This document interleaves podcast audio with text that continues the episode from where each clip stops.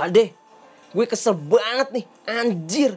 Masa sampah di komplek gue dua minggu nggak diambil-ambil? Kampret bau semua kan sekomplek. Wah, nggak bener tuh. Gak kebayang tuh baunya kayak gimana. Gue juga lagi emosi nih sekarang. Gua kemarin nongkrong di kafe, duit gua habis. Gak bisa bayar parkir. Shit. Hah? Oke oke, gue sebenarnya nggak paham lo marah kenapa. Cuman oke lah kita karena kita sama-sama marah ya. Ada lagi nih yang bikin gue tambah emosi. Tahu nggak? Si supir truk sampah komplek gue males ngambil sampah karena apa coba? Alasannya cuma muternya jauh doang, kampret tuh orang. Wah, nggak bener tuh, nggak bener tuh supir. Kampret banget tuh. Sama kampretnya kayak situasi gua kemarin. Udah nggak ada kiriman, nggak ada yang diutangin, diplototin satpam. Emang dikiranya gue maling apa? Kagak lah, gue cuma nggak punya doang. Hah? Ya, yang begini-gini nih yang bikin gue tambah emosi sekarang. Ternyata lo ngajakin gue ke sini karena mau minjem duit. Ogah. Bikin gue emosi aja lo. Ya, Bi, jangan pergi dulu. Gue belum bayar parkir nih, bayarin dong. Masa gue nginep lagi? Bi, jangan pergi, Bi. Ya, selamat datang di RIP. Random Impulsive Podcast.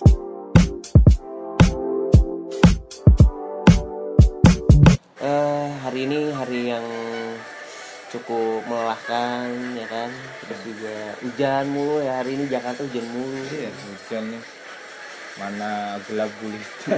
Seharian gelap kayak gak ada matahari sama sekali. Cuman gini ya, enaknya kalau kayak gini tuh ngobrol sambil ditemani dengan kopi itu enak banget tuh. Sama kayak hal yang dibahas hari ini. Ada satu topik yang hangat. Hangat dan juga cukup ironis sih ya kalau gue lihat sih. Ini berkaitan dengan lingkungan kita. Jadi ada berita yang cukup ya istilahnya membuat kita semua jadi sedih sedih agak ironis juga sih sebenarnya nih. Jadi ada paus yang di dalam perutnya itu ada sampah di daerah perairan Wakatobi kalau nggak salah. Iya jadi agak agak gimana ya? Menurut gua ini agak agak satu ini agak ironis. Dua ini juga apa ya? Kenapa kenapa bisa ada sampah di perut so, seekor paus gitu loh? Maksud gua kenapa bisa ada sampah masuk ke mulut dia gitu loh itu Ya, karena dia lahap sekali makannya mungkin dia. iya mungkin mulutnya lebar terus apa aja dimakan maksudnya gini hewan itu nggak tahu kan mana yang sampah mana enggak gitu ya Iya, sebenarnya tahu emang. yang tahu tuh kita Betul. yang seharusnya aware itu bakal nanti dimakan ikan paus tuh sebenarnya bukannya paus Sang paus tidak bersalah. iya sang paus tidak bersalah karena dia tidak tahu itu yang harusnya tahu itu tuh ya kita kita sebagai Manusia. manusia yang emang diciptakan untuk istilahnya memimpin planet ini dianugerahi pikiran akal. Ya emang tugas kita adalah untuk menjaga dan jadi pemimpin diri di, di dunia ini gitu loh. Iya. dan masalahnya kita nggak aware sama sekali soal yang namanya lingkungan. Gitu. Jadi Hmm, cukup oh ya kalau gue bilang sih bukannya nggak aware ya tapi kayak apa ya masih sedikit lah yang ngerti gitu loh kepentingannya kepentingan eh, untuk menjaga lingkungan ini. Ya, sampai-sampai ada kejadian paus. Iya paus makan sampah. Ber- berapa kilo itu? Iya itu. Nih kalau gua nggak salah baca gua jadi kemarin tuh gua abis denger itu ya abis gua denger gue denger itu di berita terus kemudian gua ngeliat juga nih di Instagram Instagram eh, teman-teman gue juga terus kemudian gue buka di Kompas. Itu dia menyebutkan gini ada ditemukan 1,7 ton sampah plastik ditemukan di sekitar laut tempat paus itu mati. Gila banget dong. Dan lagi di dalam perut si paus itu ada ada 5,9 kg sampah plastik yang dia konsumsi. Dan parahnya itu ada di Wakatobi di mana Wakatobi itu ada cagar biosfer dunia. Cagar biosfer dunia. Di mana saus itu bersih ini ada sampah plastik 1,7 ton di perairan cagar biosfer dunia. Coba lu bayangin. Tempat yang harusnya melindungi eh, biota-biota laut. Iya. Malah ada hal yang membuat biota laut mati. Iya, dan juga gue baca lagi ternyata? di kedalaman 5 sampai 10 km tuh ditemukan 24 kg sampah plastik. Jadi sepanjang 2 km di kedalaman 5 sampai 10 kilometernya itu ada 24 kg plastik.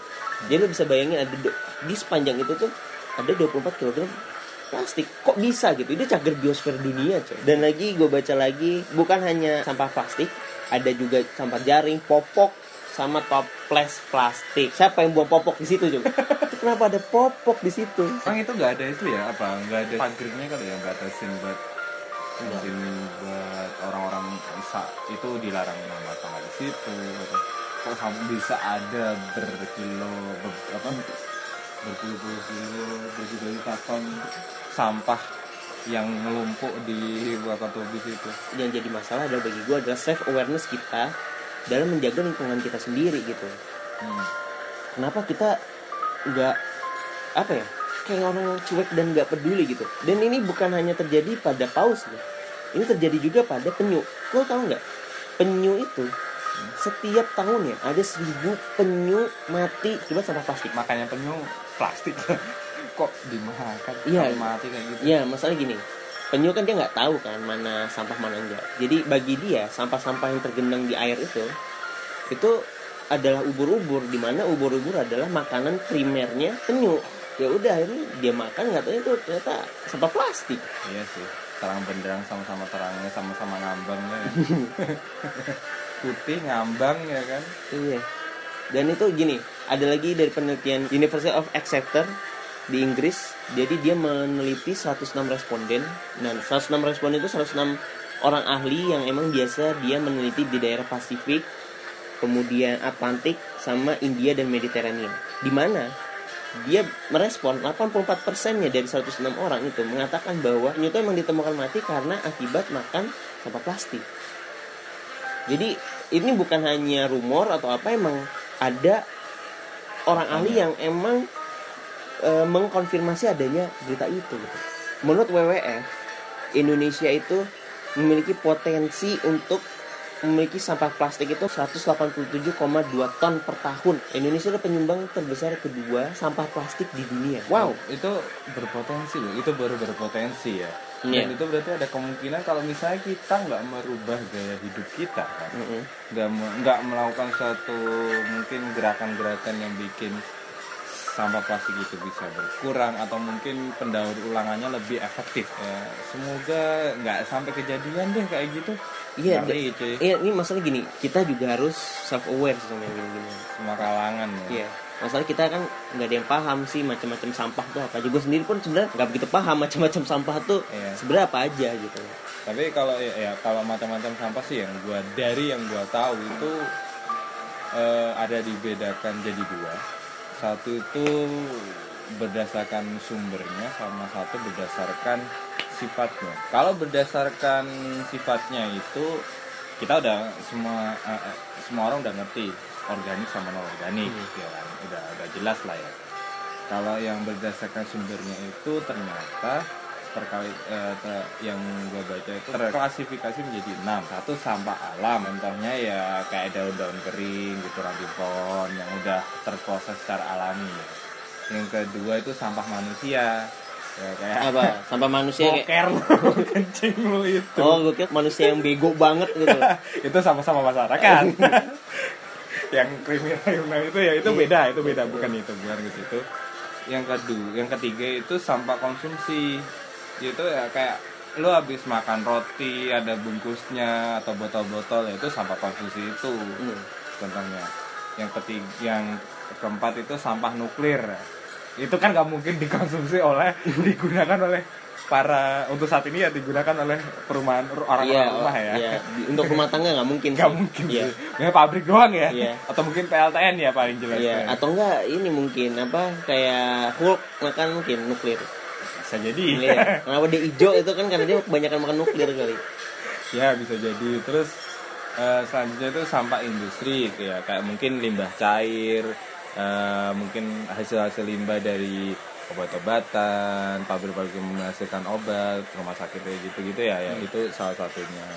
Terus sampah rumah tangga itu kayak kertas plastik air cucian itu salah satunya yang sampah rumah tangga. Yang terakhir itu sama perkantoran kayak plastik kertas mungkin staples staples gitu dan sebagainya. Sebagainya itu sih yang gue tahu macam-macamnya eh, sampah itu. Dan itu sendiri se apa dari kategori macamnya macam-macam sampah itu ya mereka itu punya apa namanya punya treatmentnya sendiri lah.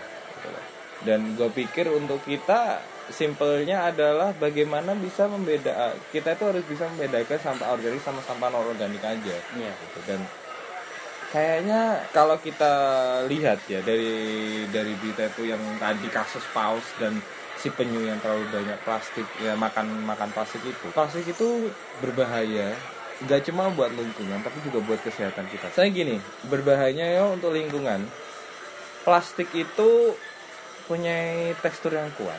Dan itu dia tuh nggak mudah untuk terurai oleh tanah. Kalau misalnya ya orang-orang zaman dulu kan, eh, ya misalnya mungkin eh, orang-orang yang nggak ngerti gimana caranya untuk mengolah sampah plastik itu biasanya dengan cara gampangnya apa dibakar ya kan, Iya.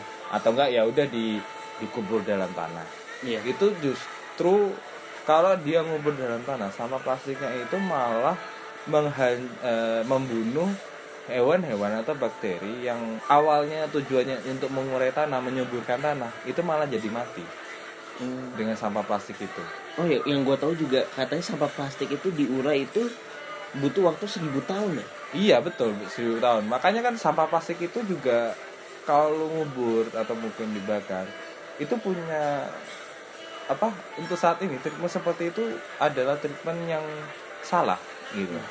Karena kalau lu bakar udara hasil pembakarannya plastik itu itu bisa jadi racun buat kita. Gitu. Bisa lu bikin nantinya bakal ada sesak napas, ada paru-paru dan lain sebagainya gitu Iya. dan dan itu lo kalau bisa kubur dia bisa jadi tanah lo yang lo buat nanam itu nggak bisa jadi subur lagi tuh Iya. gitu Jadi gini sih, yang bisa gue tangkap adalah mungkin kalau lo ketemu orang sakit paru-paru, bukan berarti dia perokok. Siapa tahu dia emang orang yang dekat-dekat sampah yang dekat itu. sampahnya dibakar iya, sampahnya dibakar. sabar gitu ya kan? Ya, dia deket-deket itu kan jadi kena paru-paru. Ya, bukan berarti bukan berarti dia seorang perokok kan. Iya. Jadi untuk kalian para perokok yang apa lah, teruskan saja. saya bukan saya menganjurkan karena saya sendiri kita tahu sendiri bahaya rokok ya mas ya.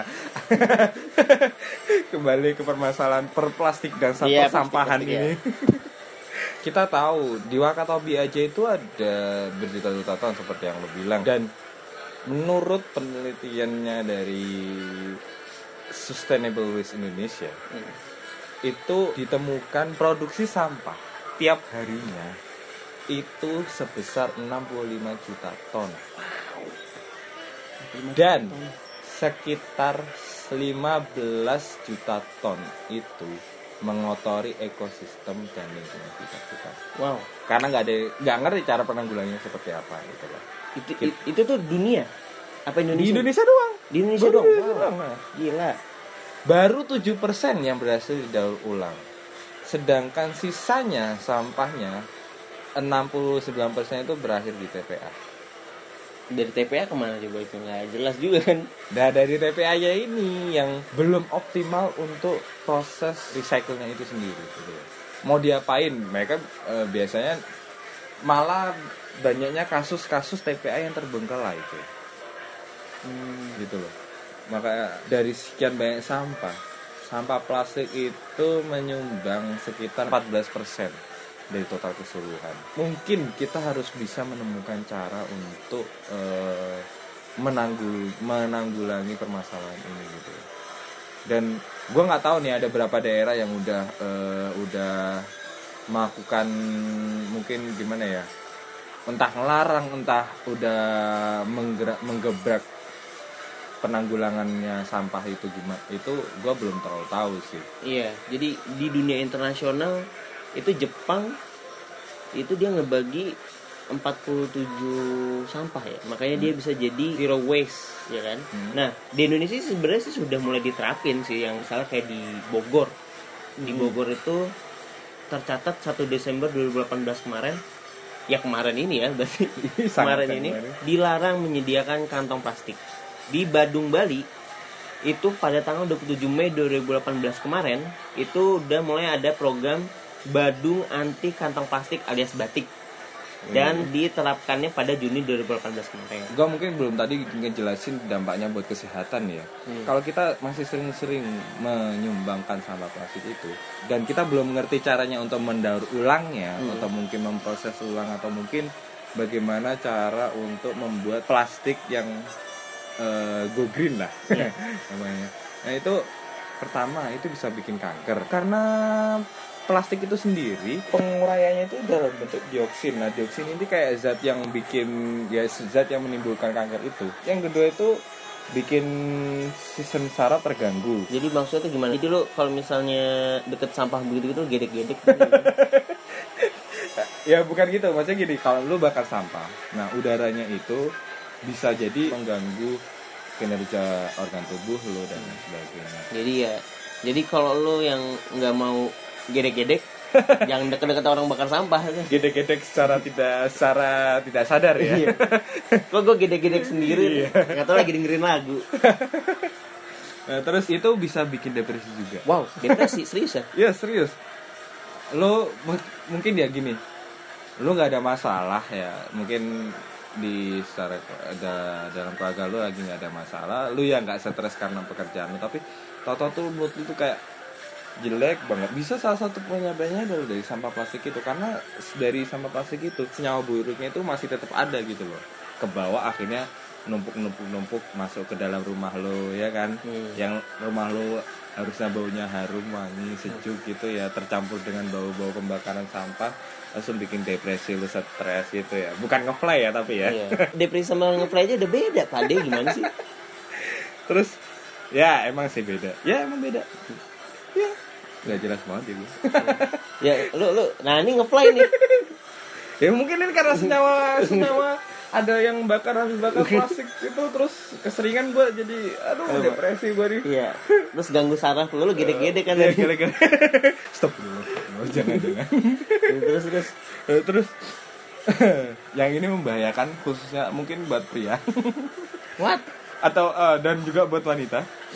Itu gangguan reproduksi itu bikin sperma lu itu nggak optimal hasilnya. Lu misalnya kalau mau konsumsi rokok karena asap rokok lu jadi eh, istilahnya jadi impoten. Ini lu kena asap buangan sampah lu jadi impoten. iya nggak coba iya dengan sampah itu juga bisa ya. atau mungkin eh, sampahnya nggak dibakar mungkin cuma eh, apa di didiemin aja itu bisa cuy dari bau baunya sampah plastik itu itu bisa juga cuy Jadi gini ada dokter misalnya. Pak saya ini nih impoten nih. Kamu sering rokok enggak? Enggak. Oh berarti kamu sering main-main deket orang bakar sampah nih. Itu impoten jadinya. Jadi kalau lu pengen selain untuk melestarikan lingkungan, kalau lu pengen nggak impoten, ya jangan deket-deket bakar sampah, jangan jangan sampai lu buang bakar sampah. Eh, dan juga jangan ada sampah Nah itu. sampah plastik Nah. di rumah lu khususnya kalau ya sampah pokoknya di rumah lu jangan ada sampah sehat kan aman Sehat lu nggak impoten. Eh. Udah lanjut. Kok ini jadi bahas ke mana-mana ini? nggak jelas sekali Tuh, Ya, jadi kembas impoten. aduh. itu dan kita tuh Indonesia tuh kan lebih dari 50% kan eh, laut ya terdiri Iya. dari laut ya Ya. itu kondisi laut di Indonesia kayak gimana sih Jadi gini, eh gimana ya? dengan sampah-sampah yang ada gitu Iya. sekarang kayak gimana Iya, jadi ada penelitian dari University of Exeter ya.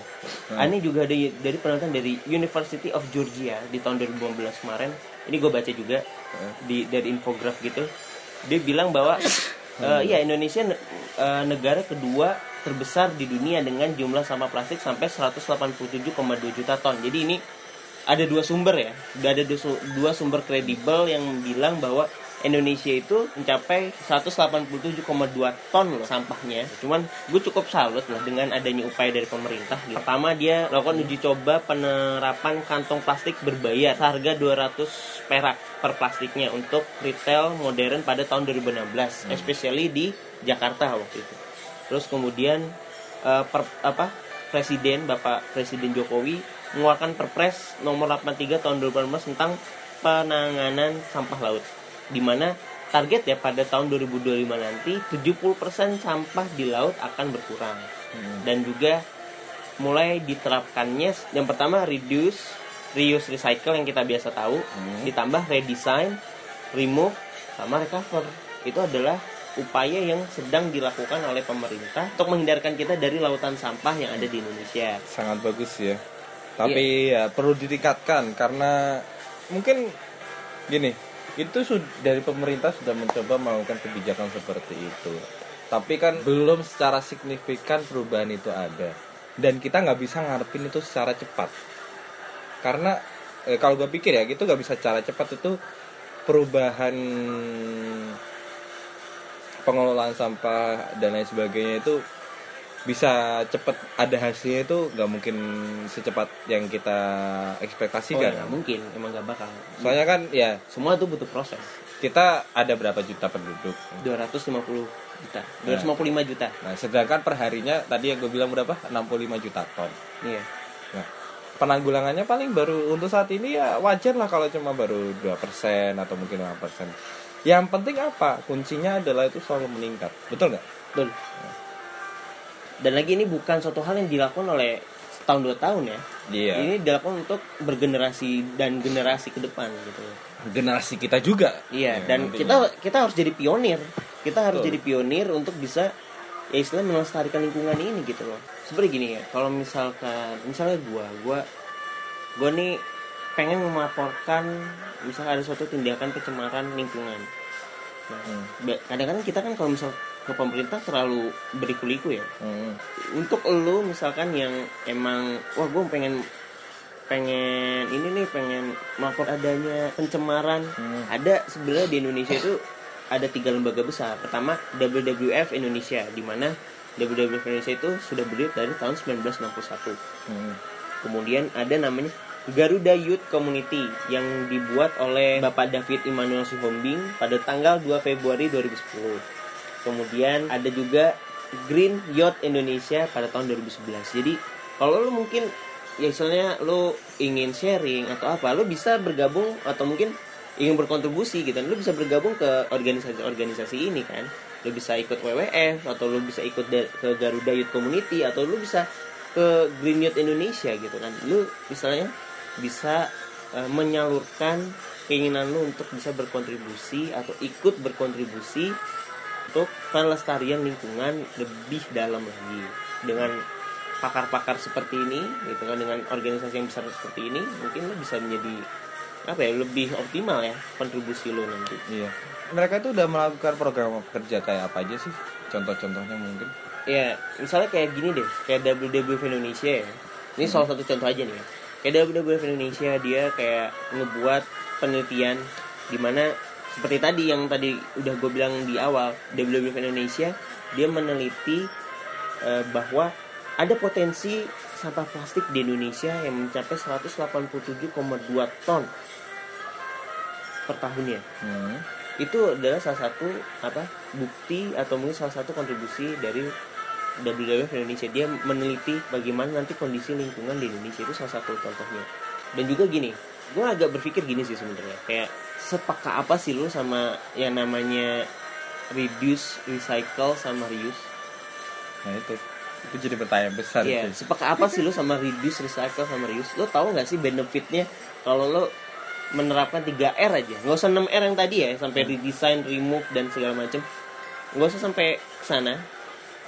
Lu seberapa seberapa aware atau seberapa kontribusinya lu dalam pemahaman lu soal 3R? Hmm. Reduce, recycle, reuse. Lu tahu nggak sih apa sih at least lu tahu nggak sih apa benefitnya? Mungkin kasih contoh kayak lu pas eh, lu pas kuliah dulu. Hmm. Lu pernah nggak mempraktekkan 3R itu? Secara tidak sadar. kalau gua gua gua mungkin secara tidak sadar iya gua menerapkan itu kayak misalkan gua gua pakai baju nih misalnya gua pakai baju ternyata masih bersih ya gua pakai lagi. Masih bersih pak deh Masih bersih ya? Oke. reuse itu itu pengendalian reuse. Kolor lu side A side B enggak ya? Itu masih bersih loh ya. kan set A set B ya. enggak ya enggak. Enggak secetek itu sih sebenarnya. Enggak, enggak jadi kayak dulu gue kalau misalnya eh, apa namanya di gue waktu masih kuliah dulu ya. Ya sekitar setahun yang lalu lah kuliah ya gue kuliah tuh setahun yang lalu ya gue masih muda lah Ah, ah, ya percaya ya percaya. gue umur gue 16 Ah, percaya dah. suka lu dah ya jadi waktu gue kuliah dulu gitu kan waktu gue kuliah eh, itu gue di kosan biasanya gue naro eh, sampah plastik tuh gue gue pisahin Hmm. mana yang plastik mana yang emang sampah-sampah kayak makanan segala macam itu biasanya gue ini dan lagi kantong dan biasanya gue kalau kantong plastik gue simpen. Soalnya biar nanti biasanya kan ada tong sampah kan gue punya tong sampah nih. Biasanya tong sampahnya tuh gue inin plastik dulu biar tong sampah itu nggak kotor gitu di dalam tong sampahnya. Jadi tong sampah itu eh, tetap terus bersih. Nah walaupun sebenarnya tong sampah itu julukannya apa ada sebutannya sampah cuman bukan berarti tong sampah itu harus kotor ya kan? Hmm. itu harus iya itu sebisa mungkin juga lo harus bisa bersih tong sampah itu bersih juga. Karena nantinya tong sampah itu kan ada di dekat lo. Hmm. nanti kalau misalnya tong sampah itu kotor ya lu jadi terkena dampaknya gitu. Kalau entah lu jadi kutuan lah. Atau mungkin parahnya ya kesehatan lu terganggu lu batuk-batukan mulu atau segala macam ya kan? Cuman gini sih gua gua gimana ya? Eh, mungkin emang gua tidak optimal dalam hal mungkin pemah gue paham soal reduce recycle reuse. Cuman gue mungkin tidak begitu mengerti sebenarnya apa sih manfaat dari reduce recycle reuse itu Hmm. Nah, cuman setelah gue teliti lebih lanjut, ternyata eh apa manfaat dari reduce recycle reuse itu ada tiga. Yang pertama dia tuh meminimalisir eh, sampah limbah yang harus diolah, ya yang harus ini kat, ditekanin sama gue nih, yang harus diolah di TPA. Itu manfaat pertama ya. Hmm. Manfaat kedua adalah eh, tanah, kondisi tanah itu eh, lebih apa ya, lebih subur. Kan seperti yang lu bilang, misalkan kalau lu sampah plastik lu kubur, akhirnya sampah plastik itu jadi ini kan, jadi merusak tanah. Nah, coba kita lihat di TPA deh. TPA juga kan ada apa? Ada tanahnya kan. Ada tanah kan, biasanya itu di, di dekat situ ada tanah. Nah, tanah yang terlalu apa terlalu dekat dengan TPA itu tanahnya itu rusak. Dan jadi semakin misalnya semakin besarnya TPA mungkin semakin besar juga luas tanah yang rusak akibat sampah yang ada di sana. Terus Hmm. yang terakhir adalah mengurangi polusi eh, air udara dan tanah. Hmm. gitu. Akibat adanya limbah tadi. Jadi kalau bisa menerapkan industri reuse itu manfaatnya banyak banget ternyata. Yang satu untuk tanah lo berpijak. Dua adalah lo mem- meminimalisir pekerjaan orang yang di- dari TPA dan juga meminimalisir kerusakan lingkungan. Yang ketiga adalah lo bisa berkontribusi untuk dunia yang lebih global. Atmosfer lo. Air udara tanah aman. Api. Lo Elemen ya. itu avatar kan?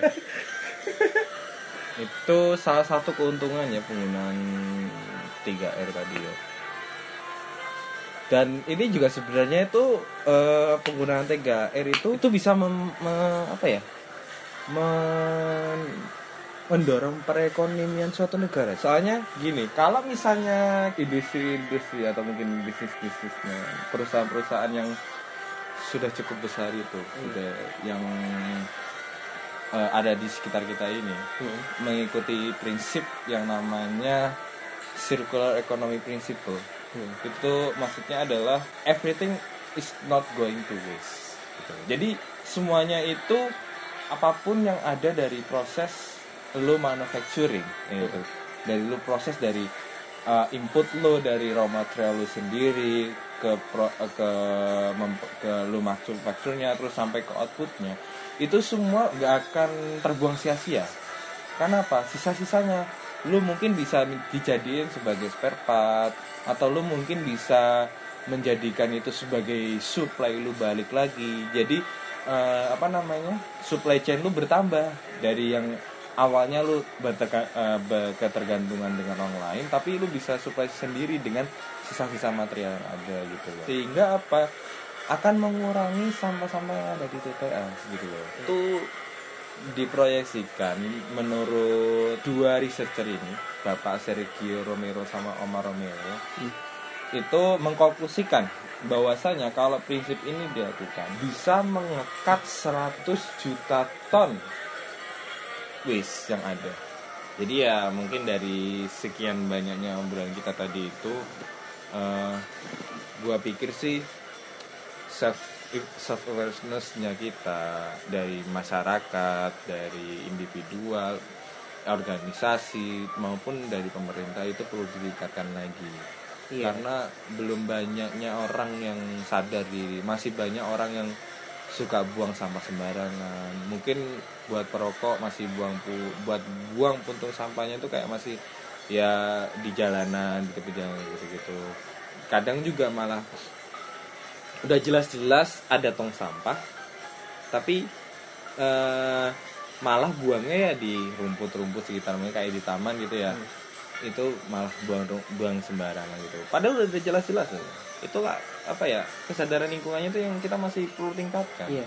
kalau misalnya kesadaran lingkungannya kita udah tingkatkan gue sadar nih eh, kalau misalnya kita udah sadar kalau itu penting nanti gue ya apa suatu kebiasaan habit atau kedisiplinannya itu bisa terbangun dengan sendirinya.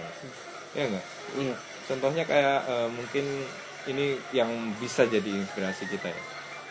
Eh, dengan pengolahan sampah Ibu Ica Nors di, dikutip dari kompasiana.com eh, kompasiana.id itu dia ngebikin eh, mainan dari sampah-sampah plastik yang dia kumpulin di sekitar rumahnya. Di sekitar tetangganya. Dia bikin sampah plastik itu menjadi mainan untuk metode pembelajaran dia Hmm. cakep gak tuh keren sih itu Iya. jadi lo kayak lo nggak usah harus beli sesuatu kan Heeh. udah tau sekarang mainan mainan anak kan mahal ya lo bisa Iya serius loh, gue Iya. waktu itu gue ke daerah salah satu mall di daerah Bintaro gitu kan, terus eh, ada mainan, gue lihat, gue kayak ngeliat gitu, eh gue pengen beli mainan buat anak, buat ponakan gue sih sebenarnya. Hmm. Nah itu gue beli, itu mainan kayu biasa loh coy. Cuman berapaan harganya berapa coba? 98 ribu. Gue bilang, serius li ini 98 ribu? Jadi maksud gue gini, lo bisa saving cost 98 ribu dengan dengan hanya lo merius atau mungkin merecycle barang yang sebenarnya ada di sekitar lo gitu kan. Sebenarnya gini gue eh, untuk masalah yang laut tadi itu yang paus sebenarnya Bu Susi Pujiastuti Menteri ma, apa? Menteri Kelautan kita Hmm. itu udah bilang kayak kita semua harus mengurangi penggunaan sampah dan buang sembarangan. Mm-mm. dan hal-hal ini tuh harus mulai dicegah. Kita memiliki istilahnya eh, seorang Sri Kandi yang memiliki visi bagaimana caranya bisa melindungi lingkungan laut. Cuman yang jadi masalah adalah minimnya support terhadap visi beliau. Visi beliau tuh bagus. Visi beliau tuh adalah gimana caranya biar mengurangi ya sampah-sampah ini. Karena nantinya akan eh, mencemarkan lingkungan khususnya laut ya. Concern beliau ada laut ini saran gue ya sebenarnya eh, untuk pemerintah gitu. Untuk men- untuk bisa meningkatkan awareness dari masyarakat soal lingkungan. Mungkin bisa kita saling gotong royong misalkan kayak eh mulai dari akar sampai a- sampai atas tuh. Itu misalkan RT dimiliki tugas baru misalkan adalah untuk bisa memonitoring eh, bagaimana sampah-sampah di lingkungannya. Karena gini jelas pemerintah yang di atas gak bisa dong memonitoring ke seluruh Indonesia. Harus ad- a- yang bagian terkecil dari pemerintahan itu yang harus ikut gitu kan. Nah salah satunya ada RT mungkin RT itu memonitoring bagaimana eh, sampah-sampah. Mungkin pemerintah bisa memberikan penyuluhan kepada RT RT atau mungkin bisa me- bisa memberikan kayak knowledge gitu at- atas kesadaran bahwa eh, Indonesia itu perlu aware sama yang namanya kelestarian lingkungan gitu karena kita satu kita jantungnya dunia dua kita memiliki cagar biosfer dunia salah satu juga Katobi gitu. Iya. dan itu bisa jadi ya istilahnya gini lah bisa jadi sat eh, apa RT itu bisa jadi satpam eh, warganya untuk bisa lebih tertib sama atau disiplin sama lingkungannya. Misalnya gini kita benchmark aja deh ke Singapura. Singapura apa apa apa apa apa denda apa apa denda apa apa denda. Mereka punya polisi yang yang mengawasi itu kan. Kenapa mereka bisa sedisiplin itu? Karena mereka males ngebayar hal-hal yang receh misalnya kayak buang sampah sembarangan Terus kemudian- didenda.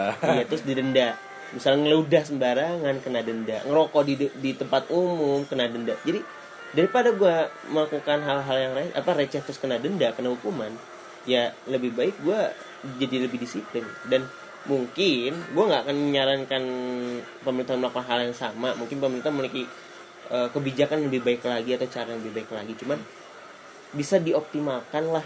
Misalnya suatu hal yang paling yang terkecil dari pemerintahan itu yaitu RT aja untuk menjadi polisi polisi polisi untuk ya polisi polisi lingkungan kita lah. Yang sebagai supervisor ya.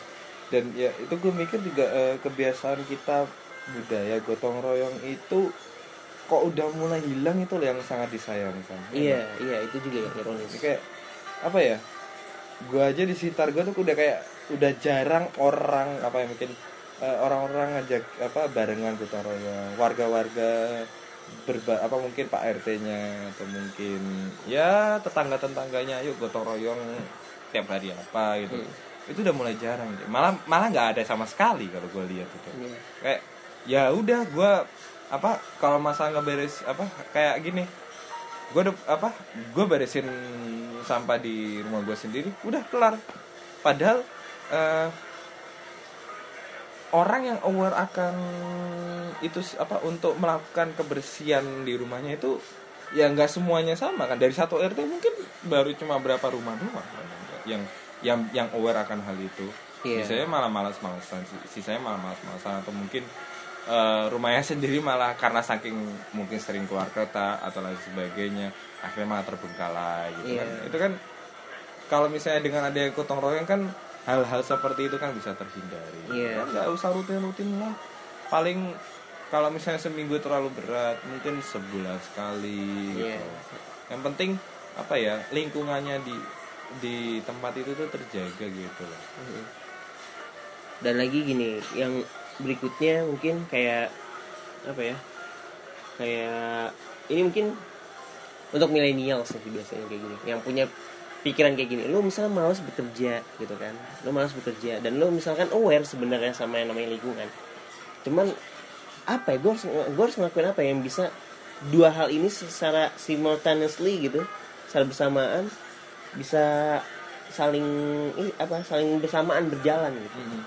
Ya lu bisa jadi seorang socialpreneur gampang ya. Ya untuk lu millennials lu bisa jadi socialpreneur dan lagi gini kalau lu emang eh, mencintai lingkungan ya, ya lu hindarilah. Apa sih membuang sampah sembarangan. Mm-mm. karena gini lu kan lu gini lu mau nggak sih sebenarnya hewan-hewan yang ada di sekitar lu hewan-hewan yang lu anggap lucu lucu lucu itu?